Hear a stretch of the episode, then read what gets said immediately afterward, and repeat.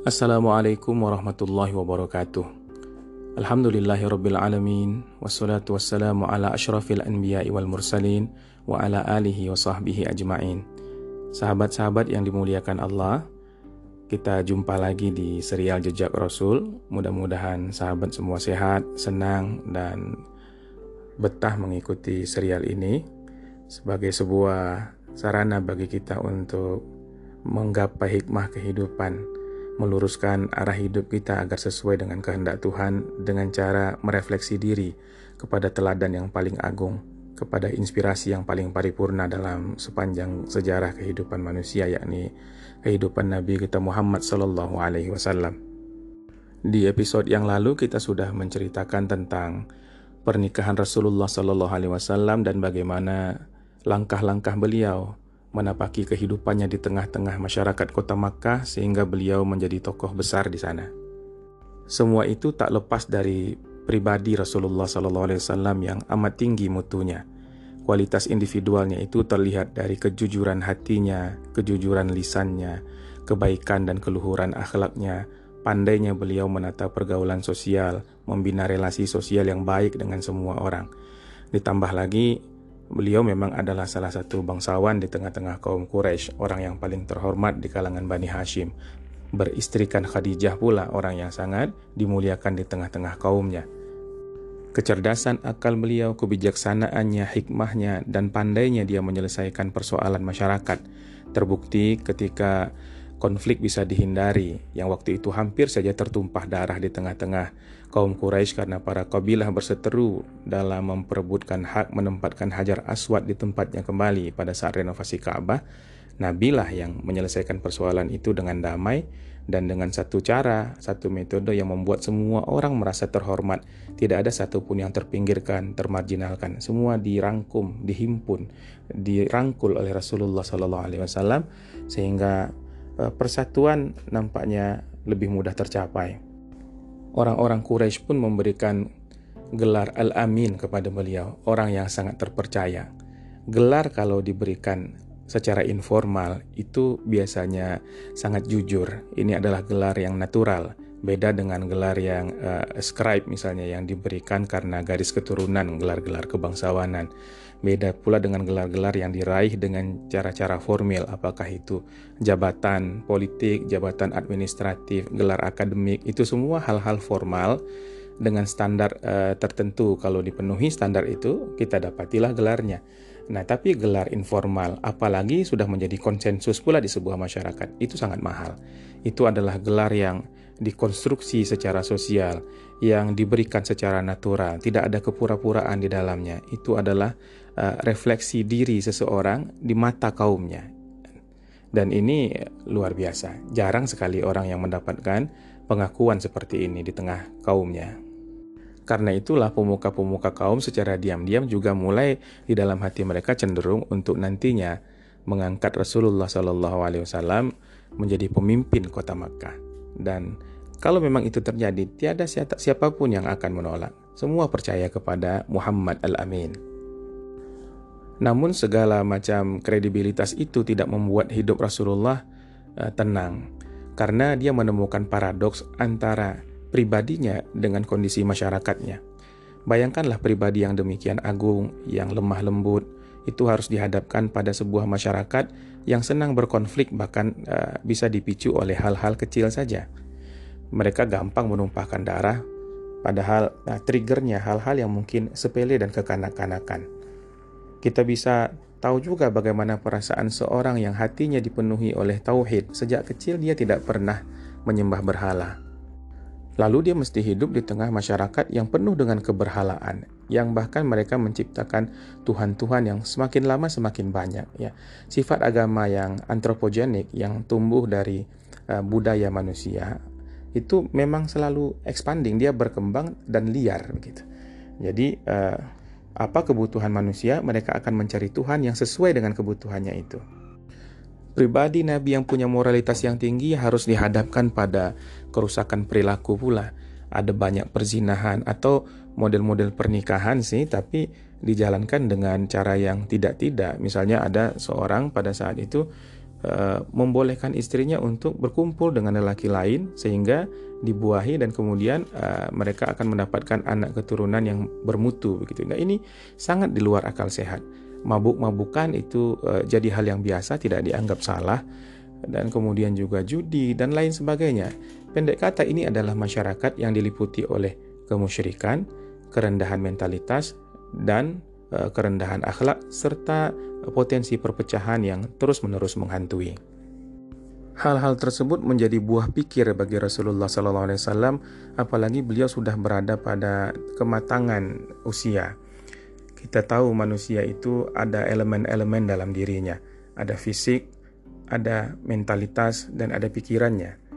Nah, kematangan fisik itu bertemu dengan kematangan mentalitas dan kematangan pemikiran biasanya di rank usia 30 sampai 40 tahun. Oleh karena itu para nabi diutus pada usia-usia sekian. Isa alaihissalam misalnya diutus pada usianya yang ke-30. Sedangkan nabi kita Muhammad sallallahu alaihi wasallam diutus, diberikan wahyu padanya, diangkat beliau secara sah menjadi nabi dan rasulullah pada usianya yang ke-40 tahun. Di jelang usia beliau yang ke-40 itu maka beliau pun mulai uh, mendapatkan tanda-tanda kenabian itu pada dirinya cuma beliau belum sadar. Dalam hadis riwayat Imam Bukhari dari Aisyah radhiyallahu taala anha dikatakan bahwa wahyu yang pertama turun kepada Rasulullah itu seperti adalah mimpi. Awwala ma budi abihi Rasulullah sallallahu alaihi wasallam min al-wahyi ar-ru'ya salihah fin naum. Jadi awal sekali wahyu yang turun kepada Rasulullah itu adalah uh, ru'yah salihah, mimpi yang benar. Sahabat sekalian, mungkin baik juga kalau kita mengetahui jenis-jenis wahyu. Jadi ada beberapa cara wahyu itu turun kepada Nabi. Uh, di antaranya adalah uh, tadi pertama mimpi dari Ubaid bin Umar dikatakan ru'yal anbiya wahyun. Ini hadis riwayat Imam Bukhari bahwa mimpinya para nabi adalah wahyu. Kemudian dibacakan uh, Inni ara fil manami anni asbahuk. Ini adalah perkataan Nabi Ibrahim dalam Quran terdapat di surah As-Saffat bahwa Nabi Ibrahim berkata kepada Nabi Ismail, "Ya bunayya anakku, inni ara fil manami anni asbahu." Aku melihat dalam mimpiku bahwa aku menyembelih engkau. Jadi perintah-perintah Allah atau pertanda-pertanda yang diberikan Allah Subhanahu wa taala kepada nabi itu kadang melalui jalur mimpi dan tentu saja ini tidak bisa diklaim oleh orang yang bukan nabi. Sekalipun ada juga mimpi yang menjadi petunjuk bagi orang-orang soleh, tapi dia bukanlah wahyu yang bisa dipercayai 100% seperti mimpinya para nabi dan para rasul. Metode yang kedua, eh, kadang Jibril memasukkan wahyu itu ke dalam hati Rasulullah secara langsung maka al malaku yulkihi fi ra'ihi ay qalbihi min ghairi an yarahu. Jadi tanpa dilihat, tanpa sadar uh, Nabi tidak mengetahui Jibril datang lalu dititipkan pemahaman itu kepada hati Rasulullah Shallallahu alaihi wasallam. Misalnya uh, hadis riwayat At-Tabrani yang mengatakan bahwa Rasul berkata uh, inna ruhal kudus nafisa fi raw'i annahu lan tamuta nafsun hatta tastakmila rizqaha wa ajalaha. Uh, ketika itu Rasul mengatakan sesungguhnya Ruh Kudus, Ruh Kudus itu adalah Jibril memasukkan ke dalam hatiku pemahaman bahwa satu jiwa sama sekali tidak akan mati sampai Allah sempurnakan rezekinya. Nah, jadi uh, hadis itu tiba-tiba sudah ada dalam pemahaman atau sudah ada di dalam hati Nabi, terpatri begitu saja.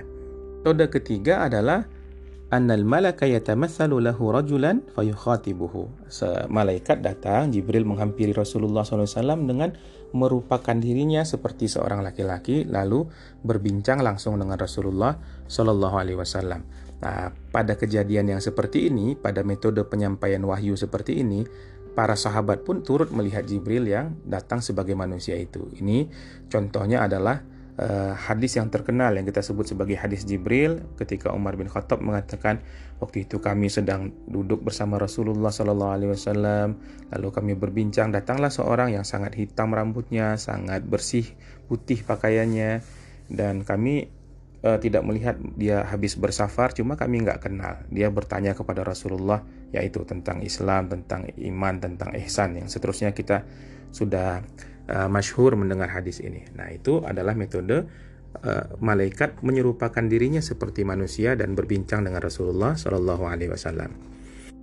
Model yang keempat adalah annahu kana ya'tihi misla salsalah.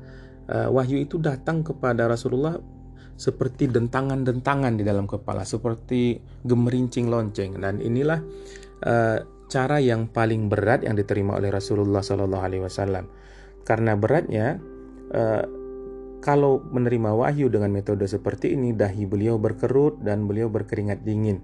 Sampai-sampai kalau beliau sedang berada di atas hewan eh, tunggangan begitu, apakah unta atau kuda gitu, maka unta itu akan bersimpuh ke bumi karena turut merasakan uh, beratnya. Jadi ini berat secara fisik juga langsung ditanggung. Pernah satu ketika beliau uh, diturunkan wahyu kepadanya dengan cara seperti ini.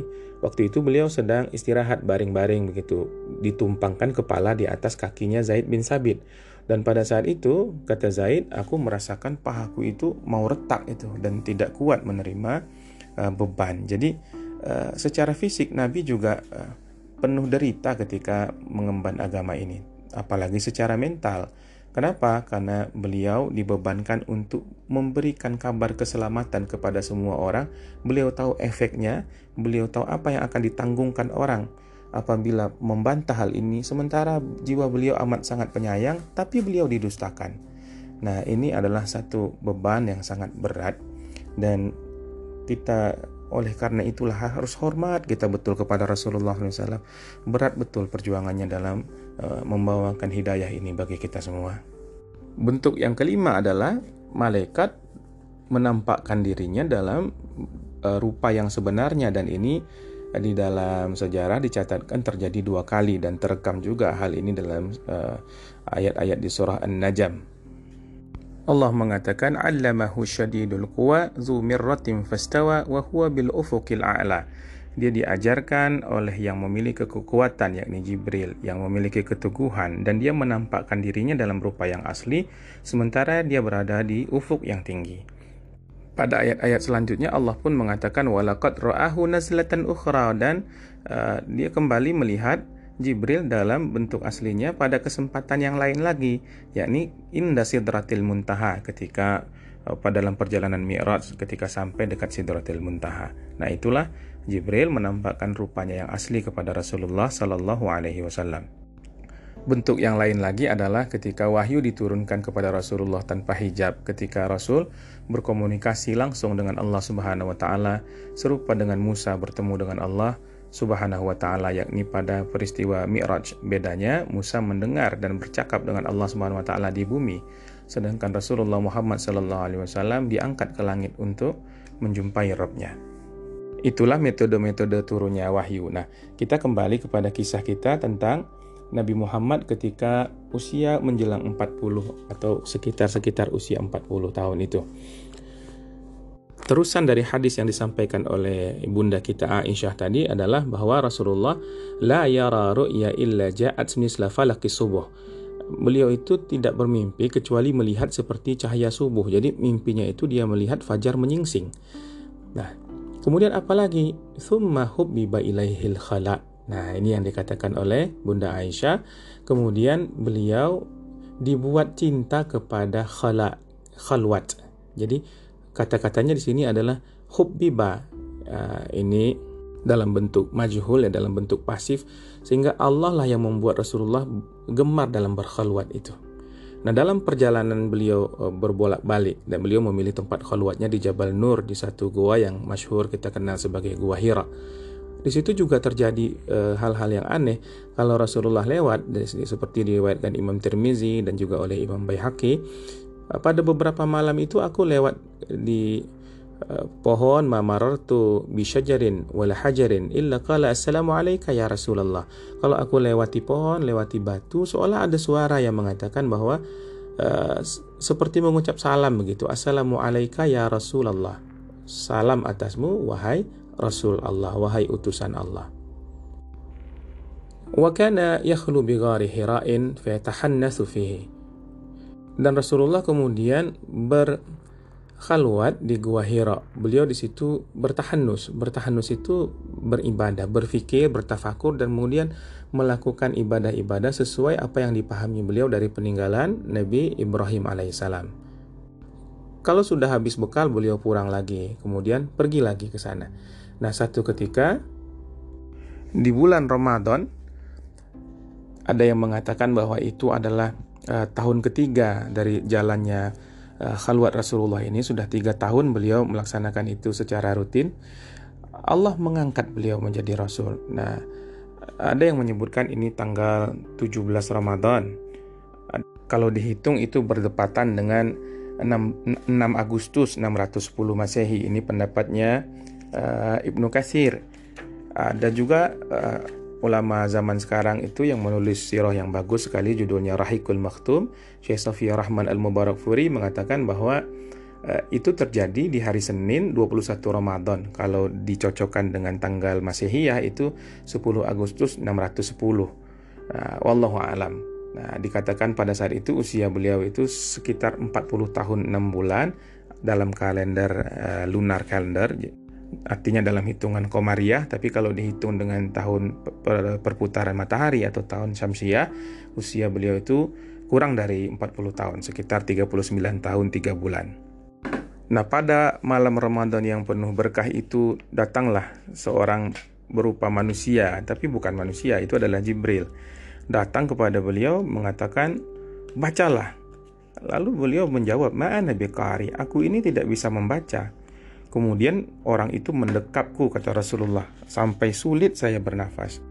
Lalu ketika sesak itu dikatakan lagi baca. Kembali dijawab oleh Nabi, saya tidak bisa baca. Lalu didekap lagi. Begitu sampai tiga kali. Nah, kali ketiga itu dikatakan bacalah sebelum dijawab oleh Nabi. Maka beliau Jibril alaihissalam menyampaikan surah Al-Alaq ayat 1 sampai ke 5. Iqra Bismi rabbikal ladzi khalaq. Bacalah dengan menyebut nama Tuhanmu yang menciptakan. Khalaqal insana min 'alaq. Dia yang yang menciptakan manusia dari segumpal darah. Iqra wa rabbukal akram. Bacalah dan Tuhanmu sungguh maha mulia. Alladzi 'allama bil qalam. Dialah yang mengajari manusia dengan kolam dan allamal insana ma lam ya'lam. Dia mengajarkan kepada manusia apa-apa yang tidak diketahui oleh manusia tersebut. Maka diulangilah ayat-ayat itu oleh Rasulullah SAW. Lalu kemudian orang itu pergi. Nah, kata Nabi, sepertinya kata-kata itu tertanam dalam hatiku. Nah, cuma ada juga perasaan takut di dalam diri Rasulullah. Apakah dia ini sudah terilhami jin apa apa bagaimana gitu. Karena itu beliau pun lari keluar dari gua itu. Nah, di tengah perjalanan menuruni tebing bukit, Beliau mendengar suara di atasnya. Hei Muhammad, engkau utusan Allah dan akulah Jibril. Lalu beliau tengadahkan kepala ke arah langit. Nah, di sana terlihatlah Jibril dalam bentuk yang masih beliau kenali seperti orang tadi, tapi sekarang ini dalam rupa yang uh, sangat besar, seperti uh, memenuhi seluruh cakrawala. Beliau mengulangi lagi, Hai Muhammad, engkau Rasulullah, hakkan, engkau adalah Rasul yang benar, dan aku Jibril. Nabi pun uh, terpaku menatapnya. Nah, lalu kemudian Nabi berpaling, tapi ke mana pun beliau memandang ke utara, ke selatan, ke barat, ke timur, yang nampak malaikat itu saja di cakrawala. Akhirnya Rasul pun berlari pulang ke rumah. Dengan peristiwa yang sedahsyat itu tentulah jiwa mengalami shock. Sampai di rumah Uh, beliau menyerukan kepada istrinya, Desironi, Desironi, aku selimuti aku, selimuti aku dengan tubuh yang bergetar. Beliau kemudian merebahkan diri, Khadijah menyelimuti lalu uh, menenangkan Nabi tanpa bertanya apa-apa dahulu. Memang beginilah kalau seorang sedang mendapati masalah, uh, dia menginginkan ketenangan dulu, baru nanti penyelesaian masalah itu nomor dua. Setelah beliau tenang, kemudian diceritakan oleh Nabi Muhammad SAW kepada istrinya tersebut apa yang dia lihat dan apa yang dia dengar. Khadijah sedikit-sedikit juga sudah membaca tanda-tanda bahwa suaminya ini adalah orang yang istimewa. Kita ingat bahwa Khadijah ini adalah sepupunya Warakah bin Naufal dan Warakah adalah seorang yang mengetahui tentang Alkitab. Rasulullah SAW ini sudah lama pula dikenali oleh Khadijah lewat berita-berita yang disampaikan oleh bundaknya Maisarah ketika mendampingi Nabi Muhammad uh, berdagang dahulu sebelum pernikahan mereka berdua, sebelum pernikahan Rasulullah dengan Khadijah. Di situ ada tanda-tanda juga seperti pohon yang merunduk, awan yang menaungi dan kemudian Maisarah juga sekelebatan melihat malaikat yang menaungi dan melindungi Rasulullah SAW. Jadi Khadijah sedikit banyaknya sudah tahu bahwa akan ada satu hal besar pada diri suaminya ini dan ini mungkin saatnya. Maka Khadijah pun pergi kepada sepupunya Warakah. Warakah pada saat itu sudah sepuh, sudah buta. Warakah langsung berkata, Kudus, Kudus, maha terpuji, maha suci, kata Warakah. Demi Tuhan yang menguasai jiwaku ini, yang mendatangi Muhammad itu adalah Namus. Itu malaikat teragung yang dulu juga mendatangi Musa. Sungguh Muhammad itu adalah nabi kaumnya. Tolong engkau yakinkan dia. Itu kata Warakah bin Naufal. Perkataan Warakah itulah kemudian yang disampaikan oleh Khadijah kepada Nabi Shallallahu Alaihi Wasallam sehingga hati beliau pun menjadi kuat. Di sini coba kita lihat peran Khadijah Al-Kubra radhiyallahu taala anha. Bagaimanalah Nabi tidak akan cinta kepada beliau? Bagaimanalah Nabi tidak akan berkesan selamanya di dalam jiwanya perihal kebaikan hati Khadijah ini? Di saat goncang itu, Khadijah menopang Rasulullah Shallallahu Alaihi Wasallam. Beliau ini seperti penenang bagi Rasulullah SAW yang dalam gejolak. Dan itulah memang Allah memberikan fitrah seperti itu dalam rumah tangga sehingga kalau kita ingin mewujudkan satu sakinah demikianlah pola hubungan yang mestinya kita bangun. Mudah-mudahan Allah berikan kepada kita semua sahabat-sahabat sekalian dan juga saya tentunya kebahagiaan dalam rumah tangga kita. Berita dari Warakoh tadi membuat Rasulullah semakin tenang. Lalu beliau kembali lagi untuk bertahanus. Karena jumlah hari yang diniatkan oleh Nabi belum genap Nah, setelah selesai tahannus, beliau pun uh, turun ke, dan langsung menghampiri Makkah, uh, uh, maksudnya menghampiri Ka'bah untuk melakukan tawaf. Di situ beliau melihat Warakah uh, sedang duduk di tepian masjid. Lalu beliau hampiri Warakah dan mengucap salam.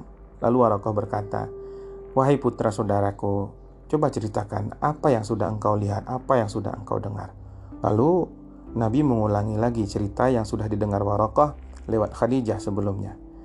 Nah, Warokoh kembali mengatakan, itu Namus, itu dulu mendatangi Musa juga adalah beliau. Beliau malaikat utusan Allah. Engkau ini Nabi, wahai Muhammad.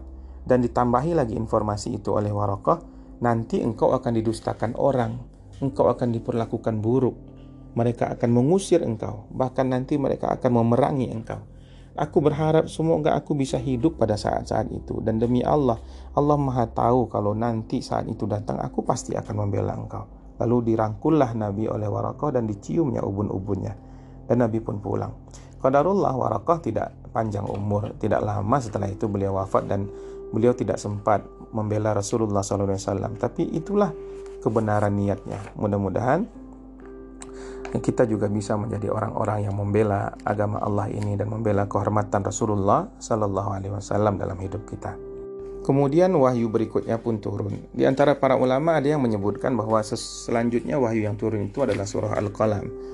Nun wal qalami wa ma yasturun. Namun dalam uh, tertibun tertibun nuzul atau urutan-urutan turunnya Quran ini memang uh, banyak perbedaan pendapat para ulama dan mungkin tidak di sini kita uh, akan bahas ini bukan tempat yang tepat untuk pembahasan itu cuma uh, sahabat-sahabat sekalian mungkin uh, mesti juga mengetahui bahwa uh, Al-Qur'an itu disimpan oleh Allah Subhanahu wa taala di Lauhul Mahfuz di sebuah kitab induk. Lauhul Mahfuz adalah satu tempat yang terjaga begitu.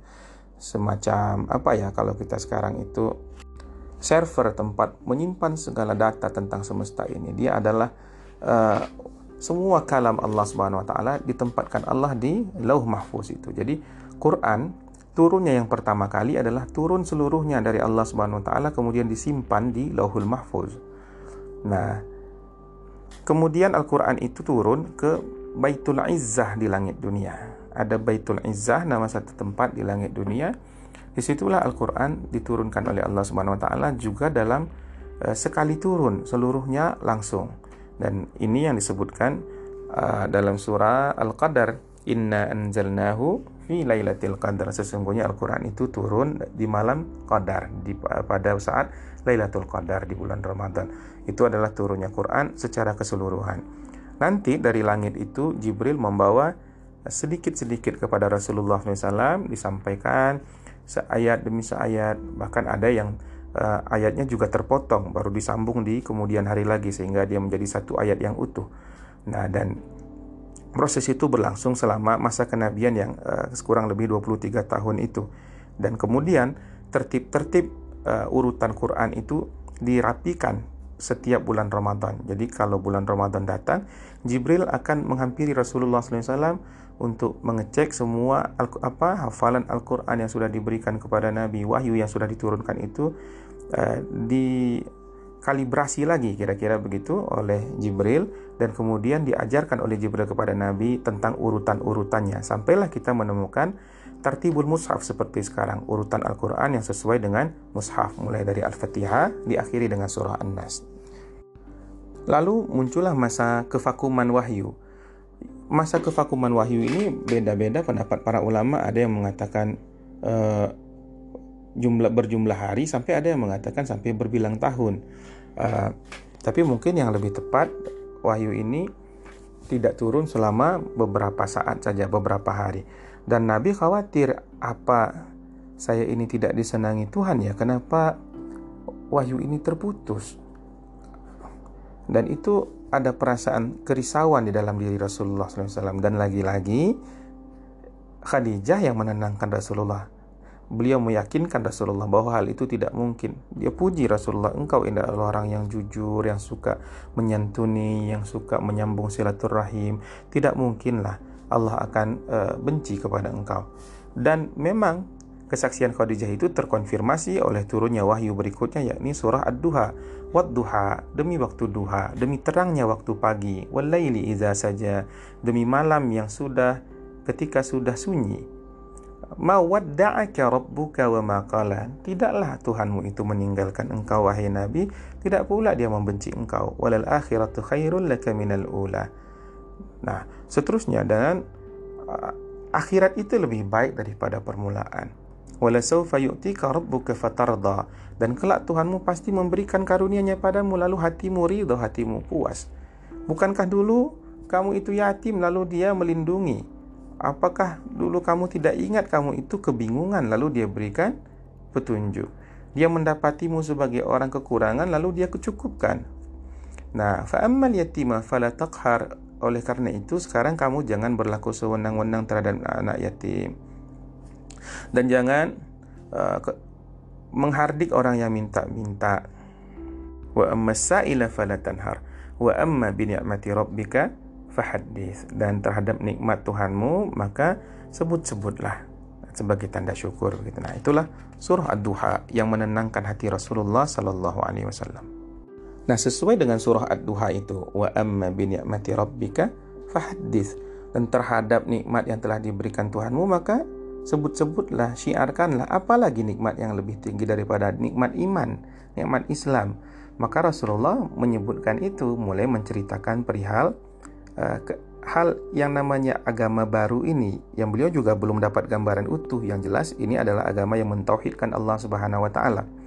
Yang jelas beliau didatangi oleh malaikat, oleh Jibril dan beliau sudah mendapatkan konfirmasi terhadap kebenaran apa yang beliau uh, alami itu lewat orang yang juga mengetahui sejarah lewat warakah. Yang pertama diberitahu tentu saja orang terdekat istri beliau, maka Khadijah adalah orang yang pertama kali beriman kepada Nabi Shallallahu Alaihi Wasallam. Cuma ini masih belum boleh diketahui orang banyak. Eh, keislaman pun dirahasiakan saja dahulu. Jadi Islam ini menjadi rahasia di rumah Nabi pada saat itu. Suatu ketika Jibril datang kepada Nabi di sebuah dataran tinggi di kota Mekah. Di sana Jibril kemudian menendang bukit itu dengan tumitnya sehingga muncul mata air. Jibril wudhu di situ dan mengajarkan Nabi memberikan contoh bagaimana caranya menyucikan diri untuk beribadah.